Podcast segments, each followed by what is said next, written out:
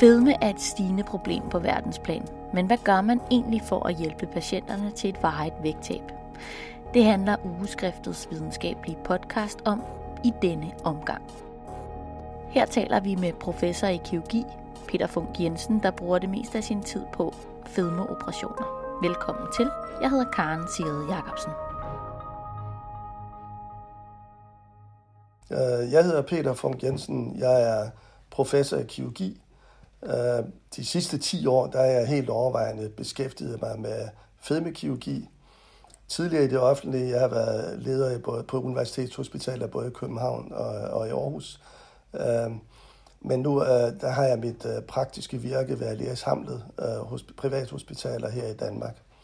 Så har jeg også noget rådgivning. Jeg rådgiver globalt vedrørende sundhed, specielt fedme og fast track forløb. Man kan sige, at øh, i fedmekirurgi, der, der startede vi jo i den nye æra i slutningen af 90'erne med banding, hvor man lægger et bånd omkring den øverste del af mavesækken og ligesom laver den timeglasformet med en øvre lille del af mavesækken, øh, og så et, et meget snævert hul ned til resten øh, af mavesækken. Og princippet skulle være, at når så man spiser meget lidt, så bliver øverste del udspilet og sender nogle nervøse signaler til hjernen, som giver anledning til mæthedsfornemmelse. Men banding, det holdt man relativt hurtigt op med, fordi man fandt ud af, at der var flere, øh, der skulle have fjernet båndet igen. Øh, og når så man fjernede det, selvom det havde siddet flere år, så tog man på igen. Vi ved faktisk ikke, om den hypotese holder, om det er sådan, det virker, eller om det er på en anden måde. Men det var i hvert fald det, man troede. Og patienterne var også helt gode til at tabe sig. Øh, de tabte ikke så meget som med de metoder, vi bruger i dag. Men først og fremmest skete der jo det, at der opstod nogle øh, problemer, som gjorde, at halvdelen i løbet af 10 år skulle have fjernet båndet igen, øh, og så tager alle på igen. Så det er jo en dårlig behandling for en kronisk tilstand. Så det man så gik over til, det var bypass, som man jo har kendt fra 60'erne. Altså en gastrisk bypass ligner på mange måder øh, en øh, gammeldags mavesårsoperation. I gamle dage opererede vi jo for mavesår. Og der var en amerikansk kirurg, der opdagede, at når han opererede en overvægtig patient for, for mavesår, så tabte de sig, og de holdt vægttabet. Så han sagde til sig selv, gav vidst om ikke man kan bruge den metode til fedme. Så vi har faktisk kendt den fra 60'erne. Men den blev vokset sig først rigtig til, om jeg så må sige, øh, dengang vi fik kikkertkirurgien. Så de, bliver alle, de operationer bliver så lavet med kikkertkirurgi. Øh, det har så vist sig, at det heller ikke er helt uden problemer med, med, med, de, med de her øh, bypass. Der kan blive nogle problemer med vitaminmangel, øh, mangel af mineraler, og der er nedsat optagelse af nogle ting. Så derfor er man mere og mere gået over til den såkaldte sleeve. Sleeve betyder ærme, hvor man laver mavesækken til et langt, smalt rør, nærmest en forlængelse øh, af spiserøret. Så, så det er det, man gør primært i dag. Det er, og, og det er ikke kun i Danmark. Siden 2014, så på global, global plan, der er det sleeve, der er den hyppigst anvendte operationsmetode. Men hvad er målet med disse operationer? Altså, man kan sige, det, det, det, vi, det, vi, det vi ønsker, det der er det ideelle for os øh, ved sådan en operation, det er jo, at man opnår et vægttab, øh, som er stort og som er langvarigt. Øh, samtidig med, at med mange af de der øh, ledsagssygdomme, man har til overvægten, at de enten forsvinder, eller også at man forebygger, at de opstår. Øh, og, og de her ting skulle vi gerne opnå til en pris, der er mindst muligt, det vil sige øh, mindst muligt ubehag bagefter, færre komplikationer og færre følgetilstanden. Det, det er idealverden, og det er vi faktisk meget tæt på at opnå med de metoder, vi har i dag. Altså, der er masser af undersøgelser, hvor man har fulgt patienter i meget lang tid. Typisk siger man, at det er lang tid, når det er fem år, men der er jo også eksempler fra altså en meget kendt svensk undersøgelse, er man jo op på at have fulgt patienter i 25 år nu Øh, og vi kan se, at vægttabet holder hos langt de fleste. Der er nogen, der bryder igennem og tager på igen, øh, men det er, det er et lille antal. Jeg kan sige for mit eget vedkommende nu, jeg har lavet over 8.000 af de her operationer i alt. Øh, jeg har også opereret andre steder i verden. Og det er omkring 5%, som efter 5 år synes, at de ikke har tabt det, de gerne ville, og dermed er utilfreds med vægttabet. Så det er en meget lille gruppe. Fedmekirurgi har været kendt siden 60'erne, hvor man begyndte at operere uden rigtig at vide, hvorfor det virkede. Bypass blev jo indført, fordi man tilfældigt opdagede, at den virkede øh, på overvægt. Vi vidste i virkeligheden ikke, hvordan den virkede, men, øh, men man tænkte, at det virkede nok på den måde, at fordi man laver en ny lille mavesæk, så kan man ikke rumme så meget mad. Og så fordi man laver en omkørsel på halvanden meter af tyndtarmen, øh, så tilføjer man også en, en malabsorptionskomponent, altså et, et stort område af, af halvanden meter, hvor man ikke kan optage nogen kalorier. Og man tænkte, det i virkeligheden var de to ting, øh, der var årsag til, at man tabte sig. Så kom øh, jo medicinerne og undersøgte, og vi var selvfølgelig også med til, øh, at undersøge, hvad det egentlig var, der skete ved for eksempel at måle på hormoner. Og så fandt man jo ud af, at øh, det, der sker efter de her operationer, det er, at der frisættes øh, på et tidligere tidspunkt, efter man begynder at spise, og i større mængde mæthedshormoner. Mæthedshormoner, det er sådan noget som GLP-1 og PYY. Og, altså, GLP-1 er kendt for det, er det samme som Victoza og Saxenda, som man bruger medicinsk i dag. Øh, og, øh, og, og det var faktisk det, der var startskuddet til, at medicinerne så siger, øh, og, og, og, og lægemiddelvirksomheder siger, at man kan vidste, at man ikke kan prøve at eftergøre det, der sker ved kirurgi, de her hormonvirkninger, og så gøre det til øh, en behandling, altså en medicinsk behandling. Og, og det er det, der er sket. Altså det er GLP-1, man jo giver øh, i dag som medicinsk, øh, i, i forskellige former medicinsk behandling. Man prøver også nogle kombinationer for, for øh, blandt andet i London har man lavet nogle øh, undersøgelser, hvor man kombinerer nogle andre typer hormoner.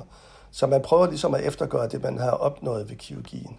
Men vil kirurger ikke bare operere og mediciner og give medicin? Og vi startede jo med at operere rigtig mange for mavesår. Så opdagede man, at det var en bakterie, der var årsag til mavesår, så opererer vi ikke rigtig for mavesår mere. Så er det syreopløb, altså reflux, øh, og det var der så også medicin, der virkede på. Og nu i øjeblikket er det fedme, så det er sandsynligt, at medicin øh, får en, en, en plads, en stor plads øh, i behandlingen sidenhen. Og det har jeg det rigtig fint med. Jeg er jo kun interesseret i, at man finder skånsomme metoder til mine patienter. Men som det er nu, så, så er det ikke uproblematisk med medicinsk behandling heller. Fordi øh, altså jeg opererer rigtig mange patienter, som har prøvet medicinsk behandling, og også med succes. Men medicin skal man, som det er nu, dels opnår man ikke det samme vægttab som ved kirurgi øh, i dag. Det vil garanteret stige øh, med årene, altså når man bliver bedre til at sammensætte medicinen. Men dels er der også mange, der har kvalme, øh, og der kan også være andre typer af bivirkninger. Og, og så er der en ting mere, det er, at når man holder op med medicinsk behandling, så tager man på igen. Så man skal altså tage medicin livslangt. Og der kan man stille sig spørgsmålet, hvis man skulle tage medicin resten af livet, som typisk koster over 1000 kroner om måneden, Øh, vil man så hellere det, øh, eller vil man hellere have en operation, som vi i dag kan udføre så skånsomt og med så få følgevirkninger, øh, at øh, ja, ja, der, der tror jeg faktisk, at mange stadig vil foretrække øh, kirurgi.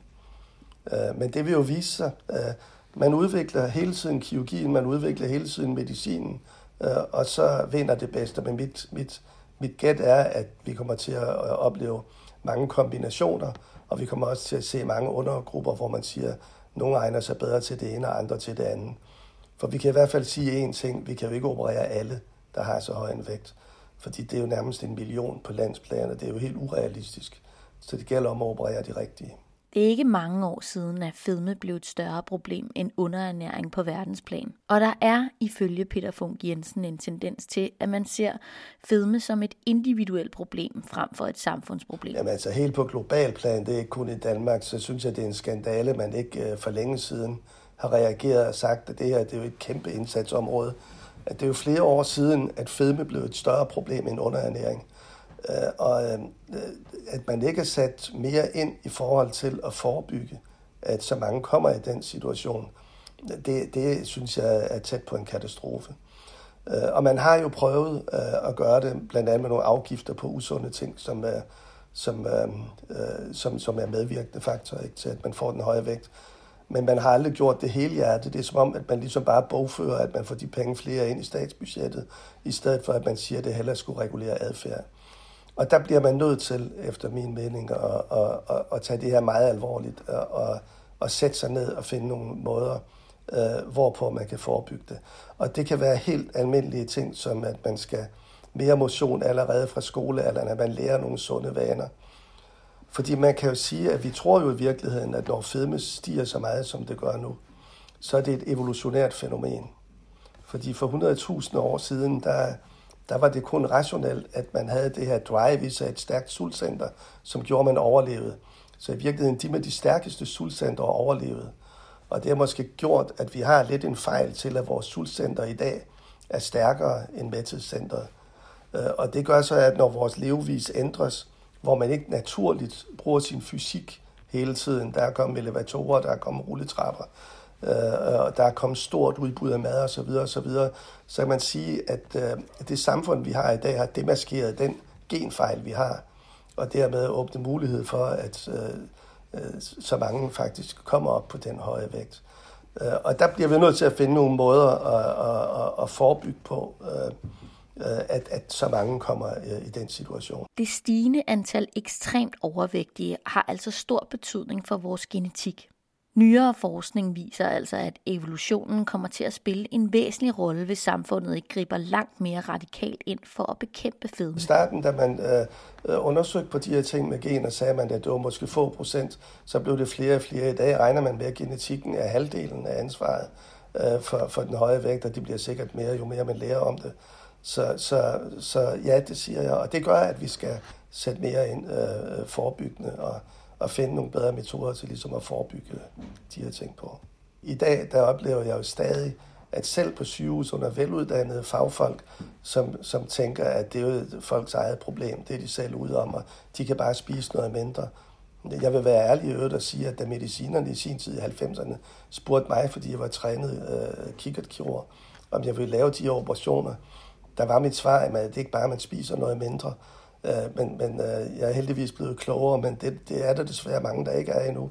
Og, og det nytter ikke noget, at vi skyder det væk på den måde, fordi øh, det fortsætter bare, hvis ikke man adresserer det øh, alvorligt, og at man lader være med at lægge skylden over på patienterne. I virkeligheden kan jeg godt sige til dig, at min erfaring med, med alle de patienter, jeg opererer det, det er jo, at øh, patienterne, de er, de er overvægtige, de er eksperter, øh, i slankekur. De er gået på talrige slankekur. Problemet er, at det er en kronisk tilstand, så de tager på igen. Men hvordan ser gruppen ud, hvis man kigger på uddannelse, indkomst og social status? Øh, der er lidt flere fra den, eller der er flere fra socialt lavt stillede grupper. Øh, vores øh, tanke er, at årsagen til det er, at hvis man har haft sådan et lidt hårdt øh, arbejde fra øh, 8 til 16, hvor man måske har været på fabrik eller andre ting og hårdt, og skal hjem og få tingene til at hænge sammen, og man måske ikke har så mange penge som andre til at øh, få støtte og hjælp øh, i hjemmet, øh, så vælger man de nemme løsninger kostmæssigt øh, til sig selv, og måske også til børnene, og så starter øh, det er også med næste generation det problem, som man selv er på vej ind i med at få den højere vægt.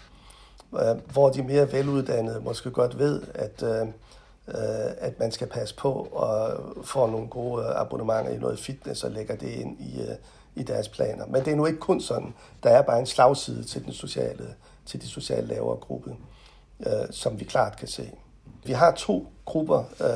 Der er dem, der er på vej til at blive meget, meget store, hvor man stadig kan forebygge, og så dem, der er blevet det. Og dem, der er blevet det, uanset hvordan man er blevet det, der er det et kronisk problem hos langt over 90 procent.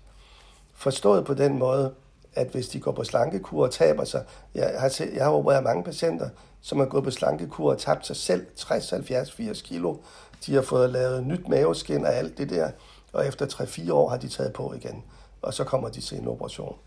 Øh, og og, og når, når det sker sådan i dag, vi ved i dag, hvorfor det sker, at de tager på igen.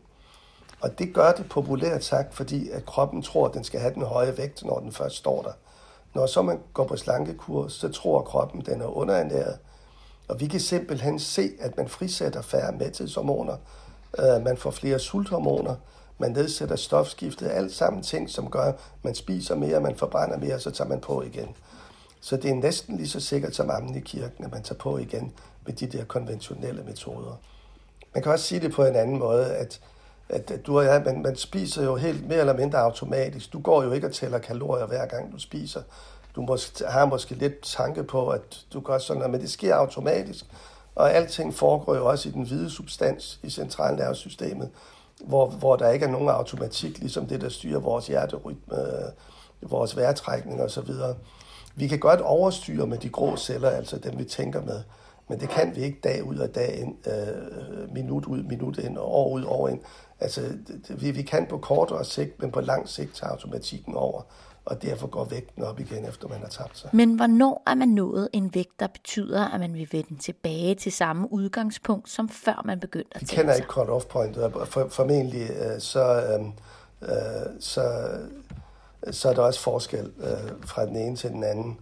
Men øh, det ser ud som, det sker tidligt. Du kan jo bare kigge omkring på mange af dem, du kender.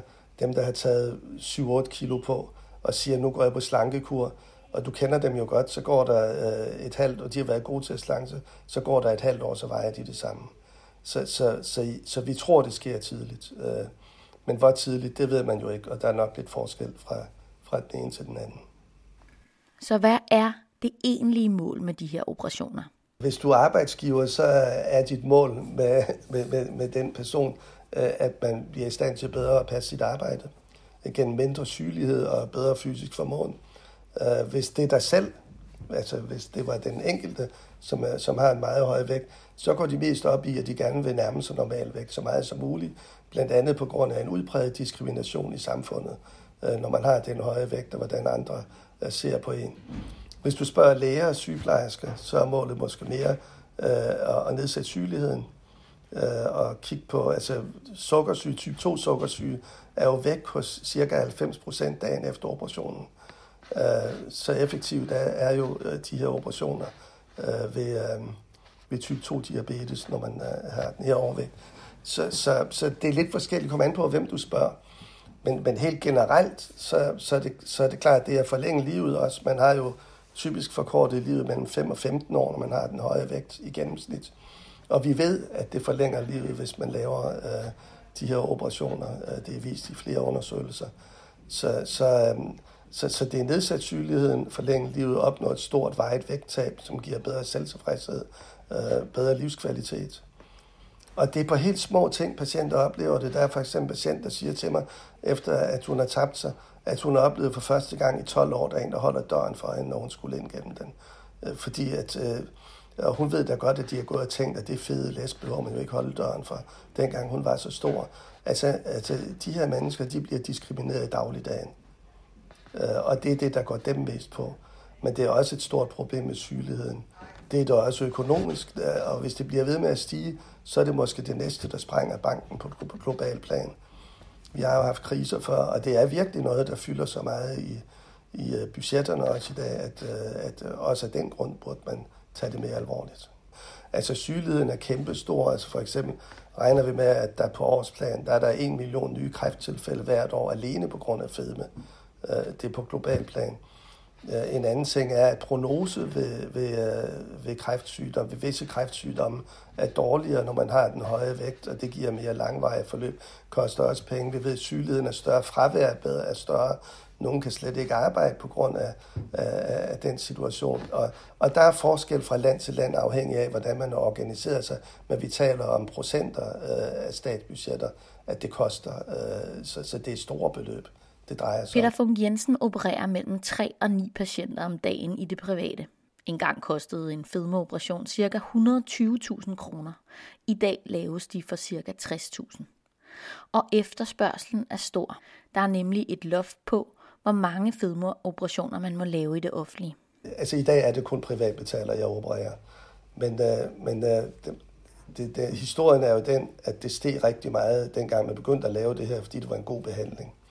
Og jeg har jo sammen med nogle europæiske kolleger skrevet en artikel og lavet nogle beregninger, hvor vi har regnet på, hvor mange operationer vi tror, der skal laves på, på, øh, på årsplan. Og i Danmark vil det være omkring 5-6.000, øh, det lander på. Hvis det, og det var det tal, man nærmede, så man kom over 4.000, og politikerne blev forskrækket og tænkte, det bliver ved med at stige og stige. Og derfor gik de ind og regulerede det. Øh, de sagde, at det var øh, ud fra nogle faglige kriterier. Det var det ikke. Det var ren politik. Øh, Og, øh, og derfor begrænsede man antallet. Øh, Så kom der så øh, nu her, at man har ønsket at have de samme kriterier som i det private, øh, og som man har i resten af verden.